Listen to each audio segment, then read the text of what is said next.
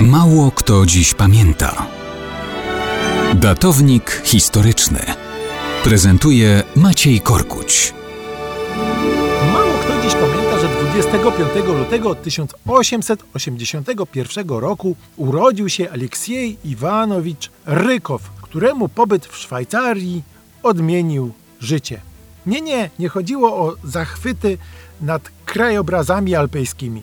Rykow miał 21 lat, kiedy w 1902 roku jako student prawa Uniwersytetu w Kazaniu spotkał się w Szwajcarii z Leninem. Pod jego wpływem rzucił studia i został zawodowym rewolucjonistą. Wszedł na drogę, która w totalitarnym Związku Sowieckim później zaprowadziła go nawet do funkcji premiera komunistycznego państwa. Człowiek sukcesu. Hm, Zależy jak na to spojrzymy. Rykow jeszcze przed rewolucją czasem się z Leninem zgadzał, czasem jego pomysły kontestował. Po rewolucji bolszewickiej najpierw na chwilę był ludowym komisarzem spraw wewnętrznych, potem kierował przemianami gospodarczymi. W 1921 roku był odpowiednikiem wicepremiera. Kiedy zżerany przez syfilis Lenin stawał się już tylko schorowanym figurantem, Rykow poparł Stalina przeciw Trockiemu. Dlatego po śmierci Lenina został nagrodzony funkcją szefa sowieckiego rządu. U boku Stalina firmował postulaty zbrodniczej, przymusowej kolektywizacji wsi. Kiedy Stalin stał się jedynowładcą, Rykow nawet próbował go krytykować, ale zaraz potem grzecznie się kajał i przepraszał.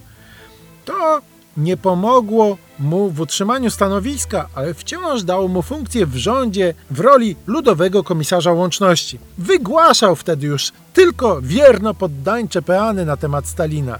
Wszak kiedyś pomagał mu wygrać rywalizację z Trockim, więc mógł liczyć na wdzięczność. Ale Stalin się tym nie przejmował. W 1937 roku do Rykowa zastukało NKWD. Zostaje oskarżony o kontakty z polskim, a jakże kontrwywiadem i o konszachty z Trockim właśnie. To bzdury, ale po odpowiednim śledztwie Rykow sam się do wszystkiego przyznaje i w antytrockistowskim procesie zostaje skazany na śmierć i rozstrzelany. Mówi się, że rewolucja pożera własne dzieci. To się odnosi do tej francuskiej. Bolszewicka pożarła nie tylko Rykowa, czyli rzeczywiście własne dziecko, ale też jego żonę, którą zamordowano w więzieniu, córkę i siostrę skazane na łagry oraz szwagra, którego rozstrzelano. Tak więc bolszewicka rewolucja znacznie udoskonaliła proces pożerania własnego potomstwa.